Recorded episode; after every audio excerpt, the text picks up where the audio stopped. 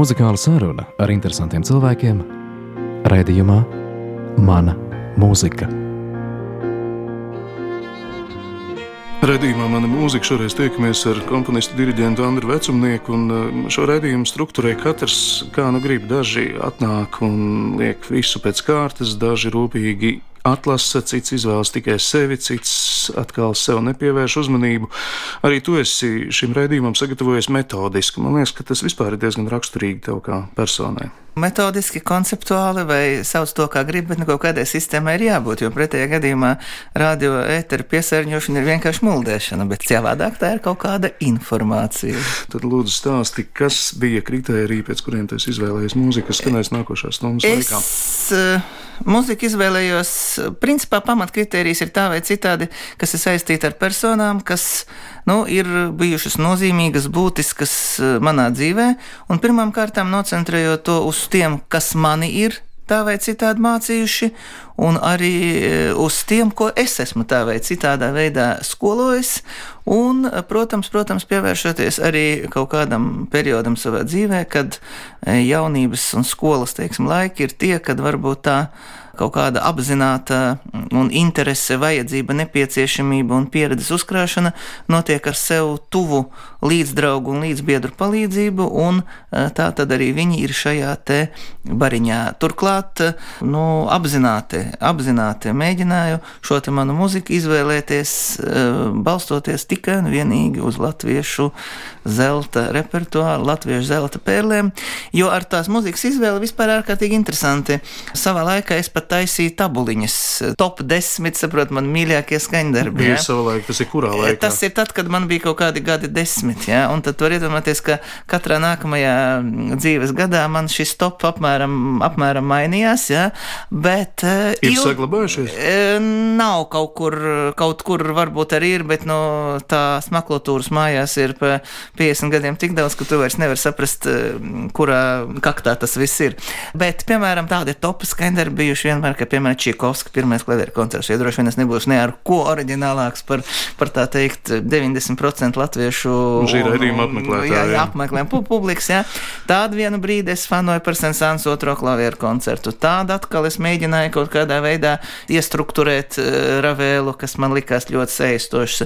Tāda man bija aizraušanās ar Rispīgi Romas svētkiem pat tik tālu, ka apakšējie kaimiņi skrēja augšā un skatījās, kas te notiek, vai tiešām šie te gladiatori un lauvas ir nav pārceļojušas uz Lielvārdas ielas otro stāvu. E, ar ko es ar to gribu teikt, ka gaumas mainās un Eh, arī mūzika nāk klāt un sastādīt kaut kādu normālu mūzikas sarakstu pēc principa, vai man patīk, vai man šis patīk, vai kā man šis patīk. Tas, ja? Un tad vēl un arī, tad vēl arī šis, tas, jā, un tad tāpēc es tā ļoti metodiski, tātad šodien piedāvāšu to mūziku, kas saistīta pirmām kārtām ar tām personībām, kas bijušas nozīmīgas eh, manā gan kā komponista, gan arī diriģenta tapšanā, un tālāk jau atļaušos būt eh, ļoti bezskaunīgs un piedāvāšu jums ievērtēt arī to tās personas, kas tā vai citādi ir caur manu pedagoga roku, tā teikt, veidojušies, bet apzināti, tiešām apzināti, es nepiedāvāšu neko no sevis, neko es esmu diriģējis, neko es esmu sarakstījis.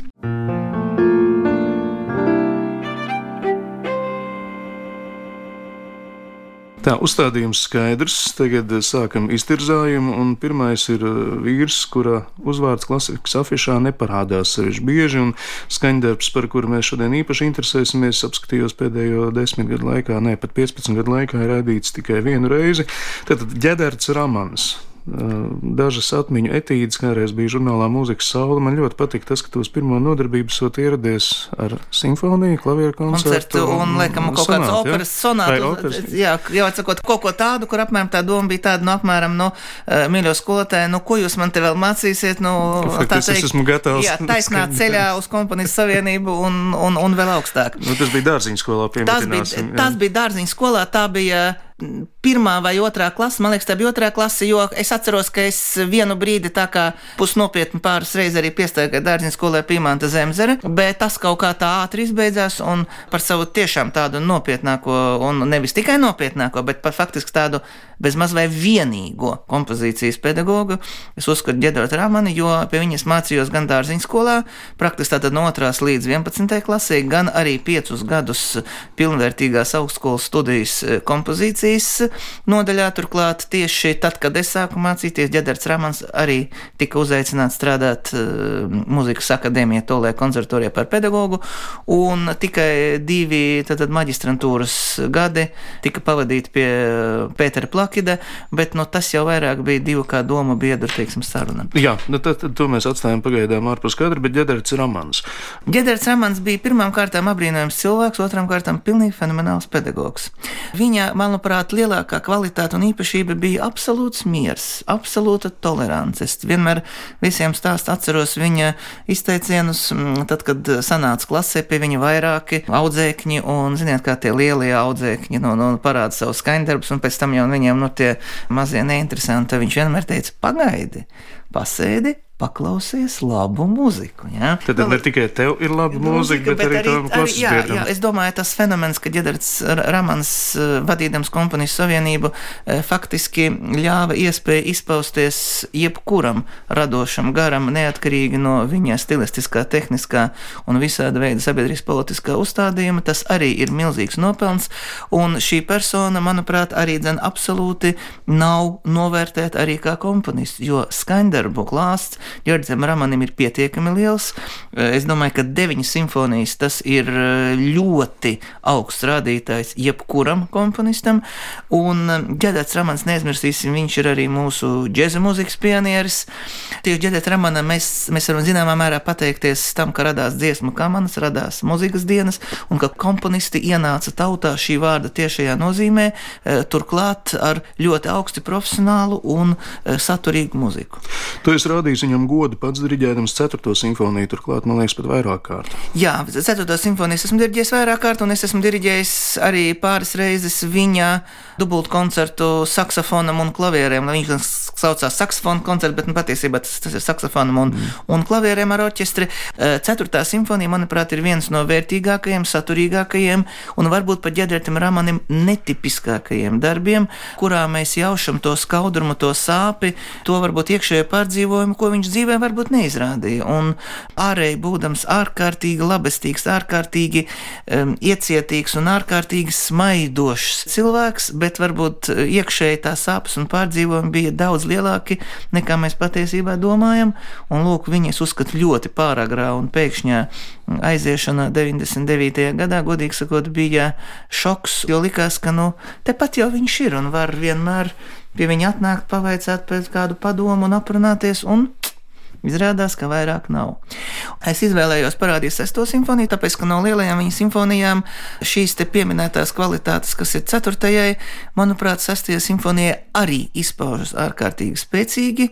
Um, Ģerēta Ramaņa prasme izveidot vienu ļoti spilgtu muzikālu tematismu, kurš ir pirmkārt prātā paliekošs, un otrām kārtām tas, ko viņš arī centies iemācīt man, ka šis tematisms tas ir izējas būvmateriāls, ar ko tālāk tad, nu, mīļo autors strādā un veido pirmām kārtām muzikālu formu, loģisku, sakārtotu un pats galvenais dramaturgiski pārdomātu. Turklāt man ir um, prieks, ka tātad šajā ierakstā šo simfoniju diriģē vēl viens mans uh, pedagogs, tas ir Viesturs Gailis, ar ko man bija tā laime savukārt sastapties diriģēšanas studijās, Mūzikas akadēmijā, bet nu jau pēc krietniem, krietniem gadiem.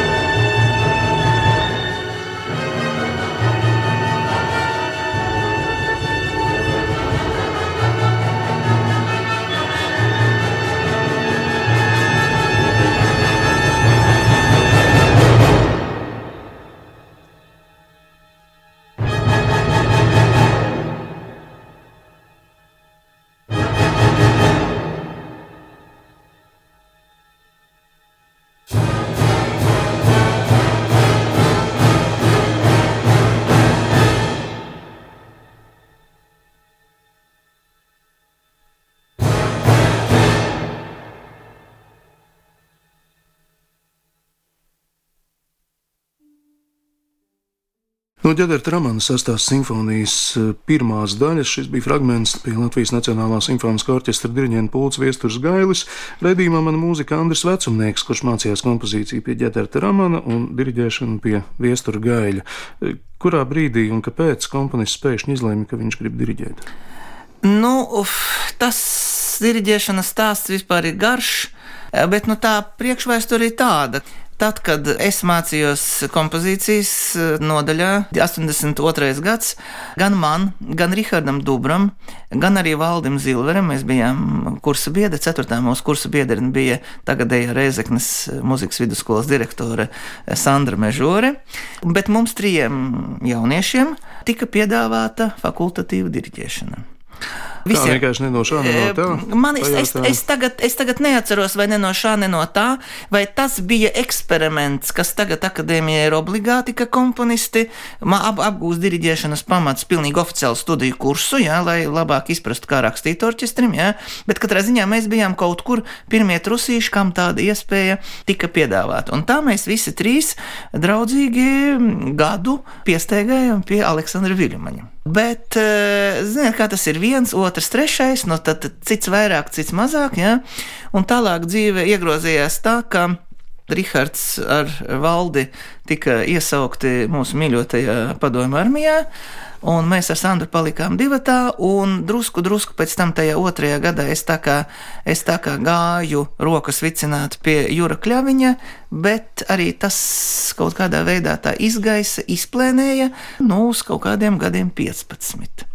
Nu, un tad, kad es jau sāku strādāt Emīļa Dārziņa muzikas skolā, un Emīļa Dārziņa muzikas skolā tā vai citādi jau atkal 90. gados reanimējās eh, orķestris.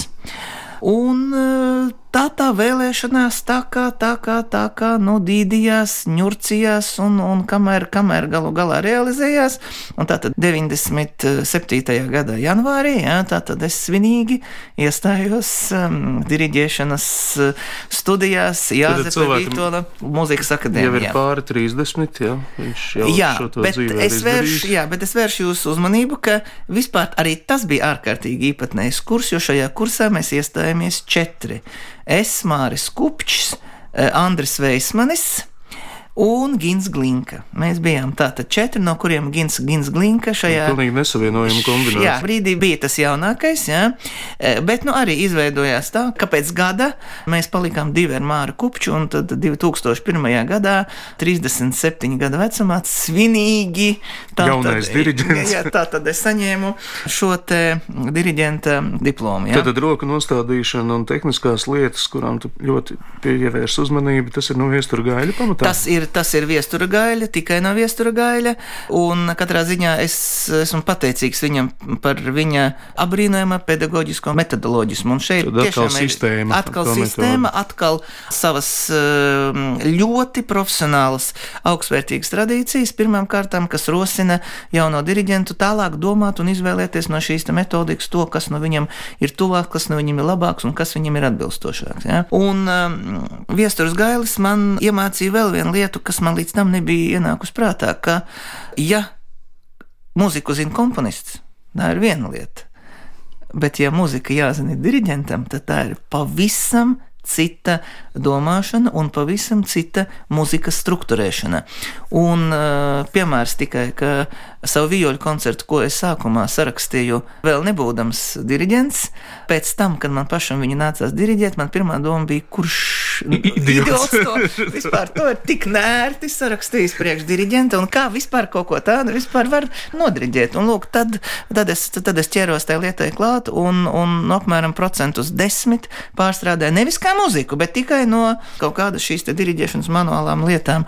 Un tas man ļoti, ļoti šobrīd noder, tad, kad es pirmām kārtām pats kaut ko rakstu, un otrām kārtām, kad es mēģinu iestāstīt saviem kompozīcijas studentiem, ka ir lietas, ko var uztaisīt daudz vienkāršāk, un rezultāts būs precīzi tas pats, ja pat vēl nelabāks. Nav jāraksta takts mērs 16, 17 daļas, jā, jā, kvintos, jā, setos, tie, jā, tieši tā. Tur. Un es ļoti labi atceros, kā viesturs Gailis, laikam es viņu biju ārkārtīgi uzjautrinājis, tad, kad es viņu izmisu un pilnajām tātad sejas izteiksmi stāstiem. Izmisuma pilna bija tev vai viņam? Nē, man bija izmisuma pilna, bet, bet viņam bija liela jautrība tad, kad es diriģenam savu valsts eksāmenu Liepā simfonisko orķestru izvēlējos Brukner trešo simfoniju un savu vioļu koncertu, jā. Un es viņam teicu, ārprāts, ārprāts, bet tas vioļu koncerts es nebiju domājis, ka viņš ir tik ļoti jāmācās, jā. Un tad viesturs Gailis bija tik priecīgs, jā, ka beidzot, tā teikt, viens ir mm, uzkāries pats ar savu muziku, un ka, ka tas vispār nemaz nav tik, nemaz nav tik vienkārši. Nu, jā, jā. izrādās. Jā. Nu, lūk, un, un par viesturu gāju noslēdzot arī, dzen, neizmirsīsim to, ka arī Andris Poga ir viestura gaļa audzēknis, un paldies viesturam par šo te ārkārtīgi profesionālu, ne tikai jaunu diriģentu sagatavošanu, tas izskatās jau pēc ministra kabineta noteikumiem, bet par tiešām par praktiskiem, dzīvē noderīgiem diriģēšanas pamatu uzstādījumiem un sagatavošanu tālākam profesionālam darbam. Nu jā, tik tā par viesturu gaili, bet tagad pievēršoties nākamajam mūzikas fragmentam, kas izvēlēts Jākaps Nīmanis. Kādā statusā viņš ir nokļuvis? Viņš nokļuva tajā statusā tādējādi, tādējādi, ka viņš ir mans kompozīcijas absolvents maģistrantūrā. Jēkabs Nīmans tātad bakalaurs nemācījās eh, nekur, viņš drusku piesteigāja tikai kā, kā, kā, kā izvēles kompozīciju, un uh, pēc klarnetes bakalauriem viņš taisnā ceļā devās uz maģistrantūras kompozīcijām. Likums to pieļauj, un ne viņš vienīgais, bet arī starp citu Rihards Zaļu arī analoģiski taisnā ceļā pēc bakalauriem. Un tātad faktiski, ja mēs runājam, tad Jēkabs Nīmanis ir tāds, eh, nu es viņu uzskatu šobrīd par nopietnāko savu kompozīcijas tieši kā specialitātes absolventu. Ļoti radoši domājoši, ļoti neordināru, ļoti attraktīvu, dullu šī vārda labā nozīmē.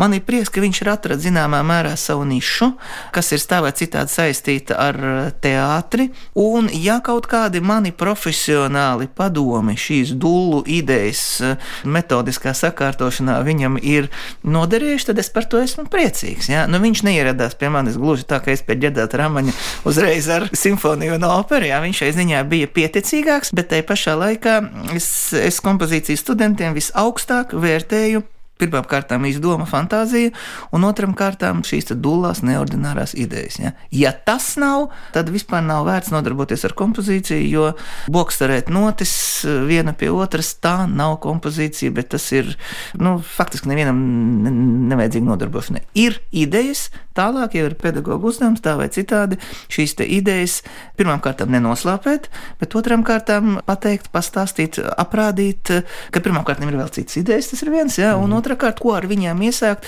jo tas ir tas, ir tas lielākais eh, trūkums, ka parasti mm, jaunajiem nav prasmes ar, ar, ar savām idejām aprīkoties un apstrādāties. Enārs Rubičs nekautrējoties stāstījis, ka tu esi viņu spējis novest līdz asarām, vai tu tāpat esi rīkojies arī saviem kompozīcijas studentiem? Ar kompozīcijas studentiem man ir grūti pateikt, vai es esmu spējis novest līdz, līdz asarām, bet katrā ziņā dažreiz ir bijušas lietas, ka eh, man ir nācies ļoti ļoti cītīgi mēģināt apskaidrot, kas tas gluži nav tā kā vajag un kas varbūt nepatīk personiski man, bet kas principā ir konceptuāls kļūdas lietas. Ja? Un, eh, jebkurā gadījumā šīs arī Aināra Rubiķa asaras, nu, teiksim, tā ir bijušas, nav bijušas veltes, ja? ka viņas ir attaisnojušas, ja? jo Ainārs, kad diriģents ir sapratis, ka eh, ne viņa vienīgā patiesība ir tā īstā un ka tā tad ir vērts atrast caur citām sevi. Tāpat arī, tāpat arī komponistiem tā tad um, ir vērts padomāt, um, ka uh, muzikālās idejas un muzikālie piedāvājumi viņi tomēr prasa daudz lielāku analītisku mm, pieeju nekā kaut kāds pirmais iedvesmas uzmetums. Jā, nekā, jā. Tā, no Jākab Nīmaņa paklausīsimies Ievas pāršas balsī kādu tautas dziesmu, kur Nīmanis ir savu roku pielicis, un pēc tam turpināsim.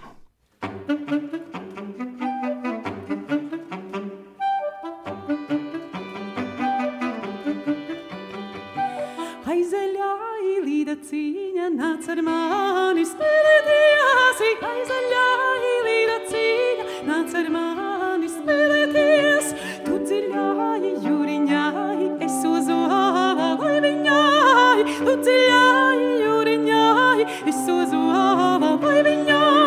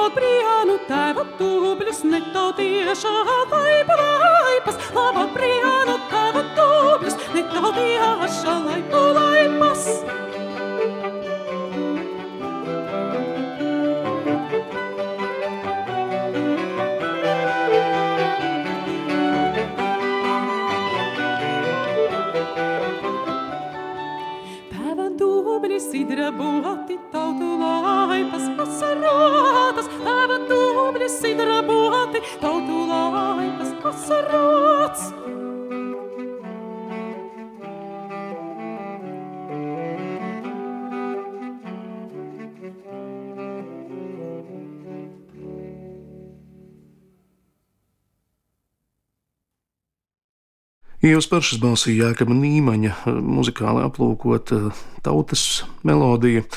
Un uh, redzījumā mana mūzika Andris Vecumnieks, kur uh, Jākabs Nīmanis ir Andris tavs audzēknis, un tagad skatoties tālāk redzījumā, mēs atkal nonākam pie kāda, kas ir bijis tavs pedagogs, un šoreiz tas ir Pēters Plakidis, tātad divi maģistratūras gadi. Sākās viņi kā eh, asistentūra. Eh, Pēc tam pārtapa par meistarklasi, un pēc tam galu galā beidzās ar maģistra diplomu.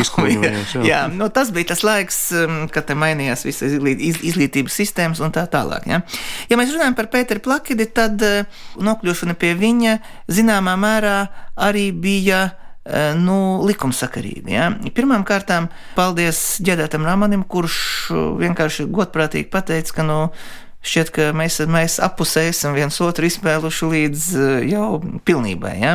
Tīri praktiski Pētera Plaketa personība man ir vienmēr saistījusi, gan agrā jaunībā, gan arī tagad, divu faktiski viņa, manuprāt, eh, izcilāko muzikas vērtību kvalitāšu dēļ.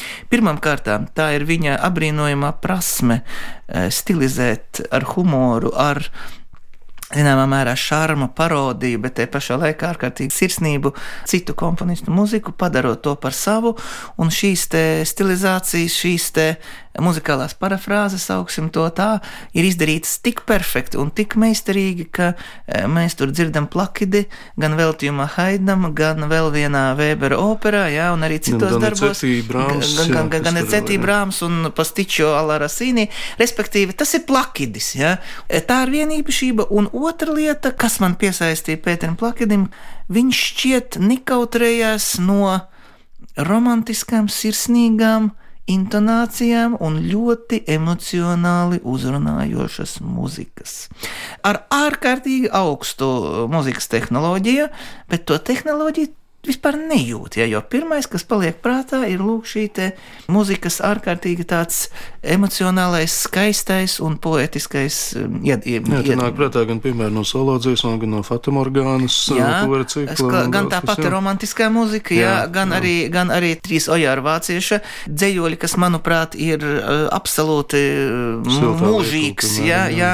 Tieši tā mūžīgs Pētera Plakida mm, veikums, un tāpat arī tas ir ar kora simfoniju nolemtību, kuru var uzskatīt, vai tā ir simfonija vai tā nav simfonija, jo tajā laikā mm, šī te kora instrumentalizācija un kora faktūras pilnveidošana, pateicoties fenomenālajām Avesol iespējām, mm, bija vienkārši modes lieta, sākot no Adolfs Kults sonāts, Jura Karlsona simfonijas, Artūra Maskata koncerti, ja? un vēl, vēl, vēl, vēl, vēl var minēt daudzus piemērus, bet tā tad lūk šī te Pētera Plakida uh, simfonija nolemtība um, atkal visā tajā kontekstā pārsteidz un saista ne tik ar šo te uh, kora kaut kādu tehnoloģijas demonstrēšanu, bet ar to, ka koris var būt līdzeklis vienai poētiskai, emocionālajai un bezgala sirsnīgai muzikālajai, muzikālajai izpausmei. Turklāt arī viens no retajiem komponistiem, kurš patiešām rojā ar vāciešu dzēju, ir uh, lieliski mācējis tik E, Absolūti, un pie tam e, viņam ir ļoti daudz roju ar vāciešu, un manuprāt, tā ir tāda ļoti veiksmīga e, sintēze. Mana sadarbība ar Pēteru Plakidu vairāk vai mazāk jau bija koleģiāla, jo mēs jau tajā brīdī abi bijām komponistu savienības biedri, ja? E, bet jebkurā gadījumā arī viņa ieteikumi, viņa smalki profesionāli padomu nevis tādās ģenerāllīnijās, bet jau niansēs, detaļās, jo Pēterim Plakanim ļoti raksturīgas šīs nianses, detaļas, krāsas un viss Tas ir līdz pat kādam striham vai, vai Līdz pat kādam izvēlē jā, līdz kam, pat nu. kad, tieši tā, un arī, teiksim, eh, muzikālā materiāla pieraksta korektumā, jā.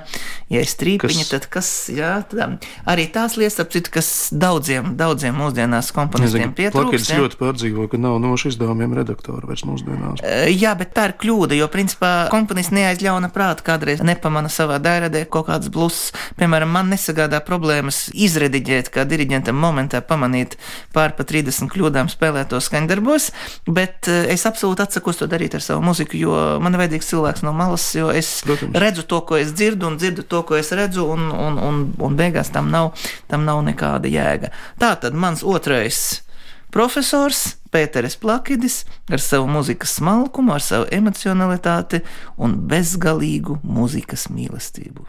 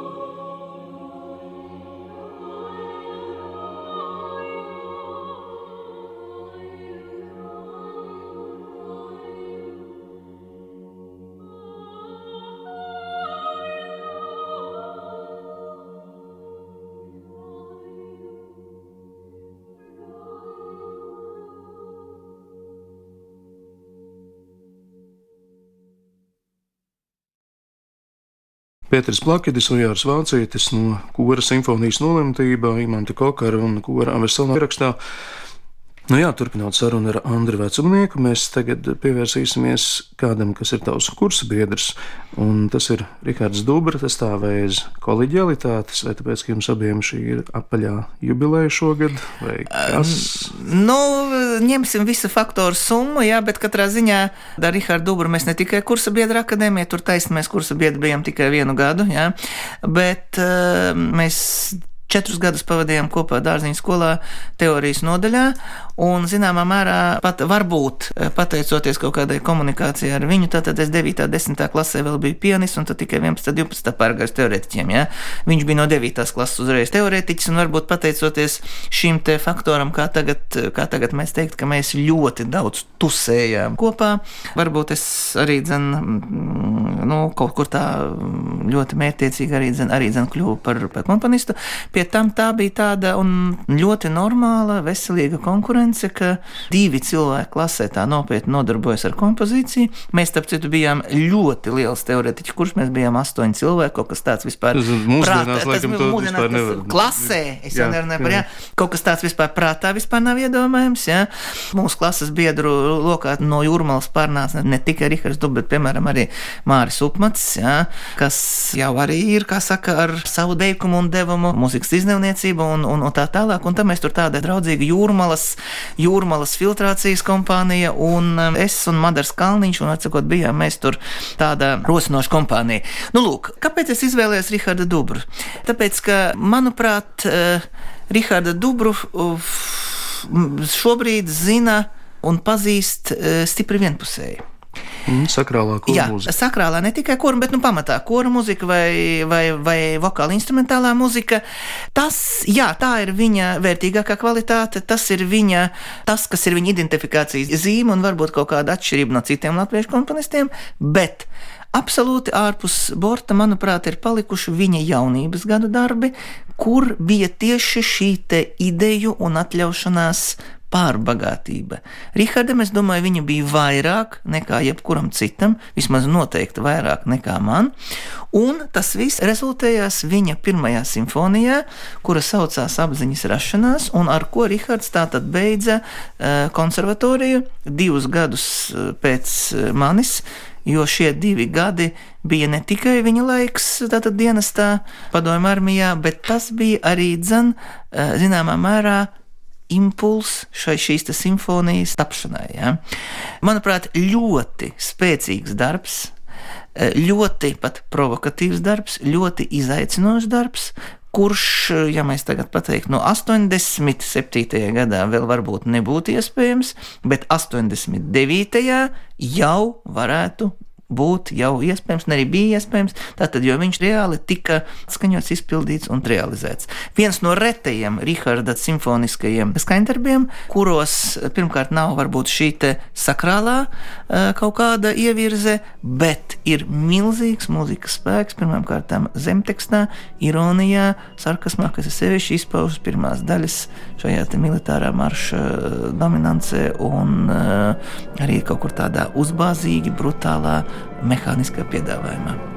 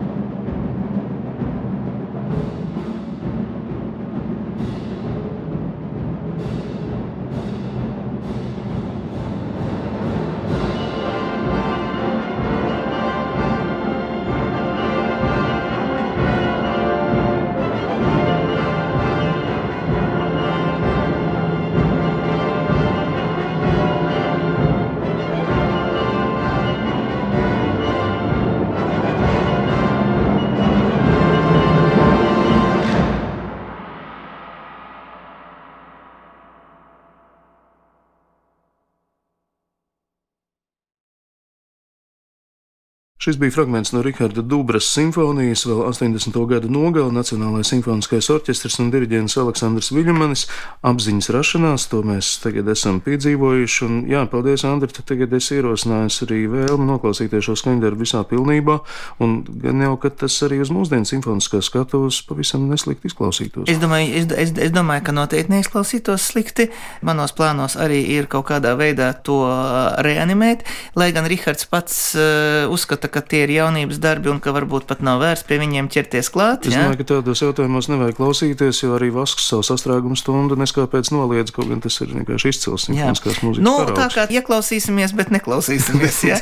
Labi, ar visu Jā. cieņu. un Jā, ar visu, jā, tieši tā. Es pats esmu diriģējis Riharda vienu no viņa mazajām simfonijām, jā, kura arī, manuprāt, ir uh, regulārāka un biežāk atskaņojama vērta. Jā. Nu jā, tagad no kursa biedra atkal pie audzēkņa. Ainārs Rubiķis, viņa vārds jau vairāk kārt izskanēja šajā redzījumā. Droši vien tāpat kā tu varētu teikt par Jāekabu Nīmani, kā par savu nozīmīgu kompozīcijas audzēkni, tā Aināru Rubiķi mēs varētu uzskatīt par tavu nozīmīgu diriģēšanas skolas pārstāvi. Nu, šobrīd šķiet, ka jā, lai gan, atklāti sakot, es par katru no saviem diriģēšanas audzēkņiem nevarētu pateikt, ka viņš tā vai citādi pirmkārt nestrādā savā profesijā, vai viņam nebūtu kaut kāds tomēr savs, tā, savs tāds saudabīgs skatījums. Ja? Gan Ernārs Rubiķis, gan uh, Aigars Merī. Gan Valdis Butāns. Tie ir tie, kas beiguši, starp citu, maģistra tur pie manis beidz arī mans kolēģis Jānis Pūriņš, ja? nu, kas ir varbūt vairāk tāds, nu, sadzīviskāka rakstura fakts. Ja?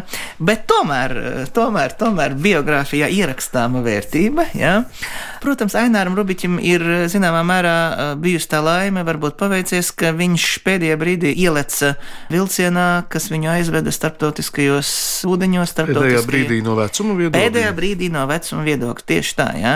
Teiksim, savā laikā es, es beidzu diriģēšanu tik vecs, ka nu, nekādi konkursi un nekādas iespējas vienkārši kaut kur jau vienkārši nebija realizējams. Ja? Aināram šai ziņā bija tā laime, varbūt veiksme, varbūt nejaušība, bet, bet tomēr tas viss ir liktenīgi un labā nozīmē liktenīgi un pelnīti. Tātad, ka Ainārs vinnēja Gustavs Mālera konkursu. Un, un... un tagad saku, lūdzu, kāpēc mēs klausīsimies tādu skaņdarbu, ko visi zina no galvas? Tieši tāpēc mēs klausīsimies šo skaņdarbu, jo, visi, jo visi tos, kas mēs zinām, ko mēs zinām no galvas, patiesībā mēs nezinām neko.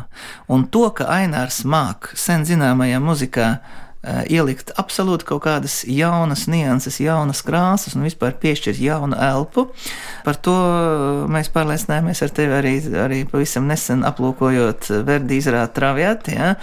Gan arī simfoniskās mūzikas koncerta Novosibirskā, gan jā. arī Frankfurtes Alte opera koncerts. Jā, tieši tā. Un melanholiskais valsis ir tas skaņdarbs, kurā, manuprāt, ir ārkārtīgi grūti piedāvāt kaut ko jaunu, ko varam nosaukt par iedzienu interpretāciju. Ja? Bet, manuprāt, tieši Aināra versija, tā versija, kas bija lielās mūzikas balvas noslēguma ceremonijas koncertā, ir pilnā mērā devējama par iedzienu interpretāciju. Nu jā, ar kuru var strīdēties, jā, kurš jā. var kaidināt, kurš var patikt aizraut. Jā, jā tieši tā. Iespējams, ka varbūt uh, tas bija tas, ka viņš saka, ka, ka viņš tika novests līdz, līdz asaram, tāpēc ka ļoti daudzos gadījumos man viss vairāk nepatīk tas, ja skaņdarbs tiek diriģēts vienkārši tāpēc, ka ir te uz četri, te uz trīs, bet kāpēc tas tā ir? Ja? Un ja Ainārs to ir sapratis, izpratis un tagad praktiski realizē, tad par to man arī liels prieks. Un tādā skaņdarbā, melanholiskais valsis, interpretācija, manuprāt, ir divkāršs diriģenta nopelns.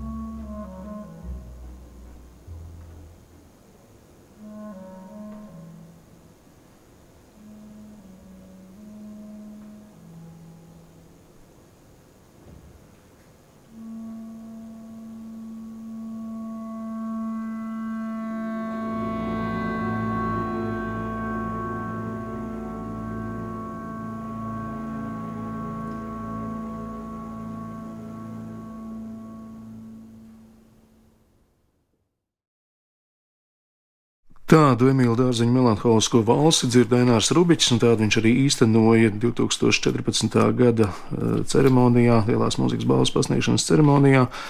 Redījumā mana mūzika Andris Vecumnieks, un tagad ir pienācis brīdis jau beidzamajai mūzikas izvēlei, un tā savukārt ir saistīta ar tavu zinātnisko darbu. Nu jā, tā smalki izsakoties, tas ir mans pētījuma objekts, jā, patiesībā subjekts, jā, bet pēc būtības mans ļoti tuvs kolēģis, komponists Juris Karlsons, kuram es varu pateicīgs būt par to, ka pirmām kārtām es šobrīd esmu arī muzikas akadēmijā, un kuram es esmu pirmām kārtām pateicīgs par visāda veida ne tik profesionālo skolu, kas, protams, arī ir eh, noteikti bijusi, bet arī par dzīves skolu, par dzīves gudrības skolu, par um, vērtējuma skolu, jo mana pētījuma tēma, kas saistās ar teatralitātes fenomenu un Jūra Karlsona teātri, būtībā tā ir milzīga teātra telpa, ko Jūras Karlsons redz un piedāvā ne tikai savā muzikā, bet savā ikdienas dzīvē. Ja?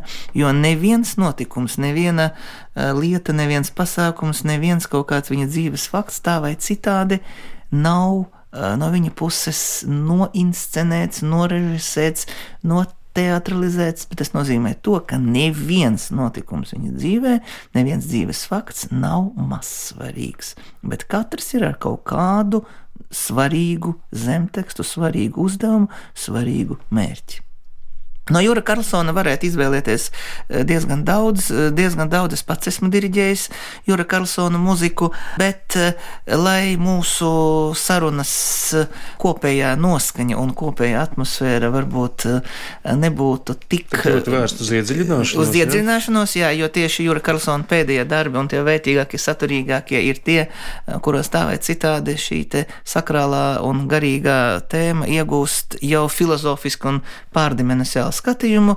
Noslēgsim ar to, varbūt, eh, kas man pašam visvairāk ir tuvs, kas man visvairāk arī piesaista Jurim Karlsonam, tā ir viņa humora izjūta, viņa draiskums un tā ir viņa zināmā mērā atļaušanās.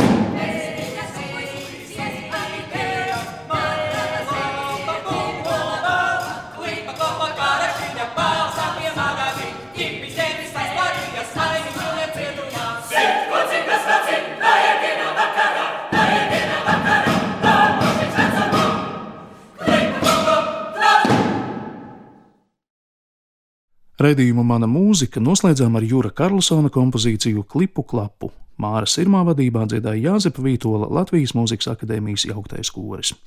Orests Silabriedis sarunājās ar komponistu un diriģentu Andri Vecumnieku.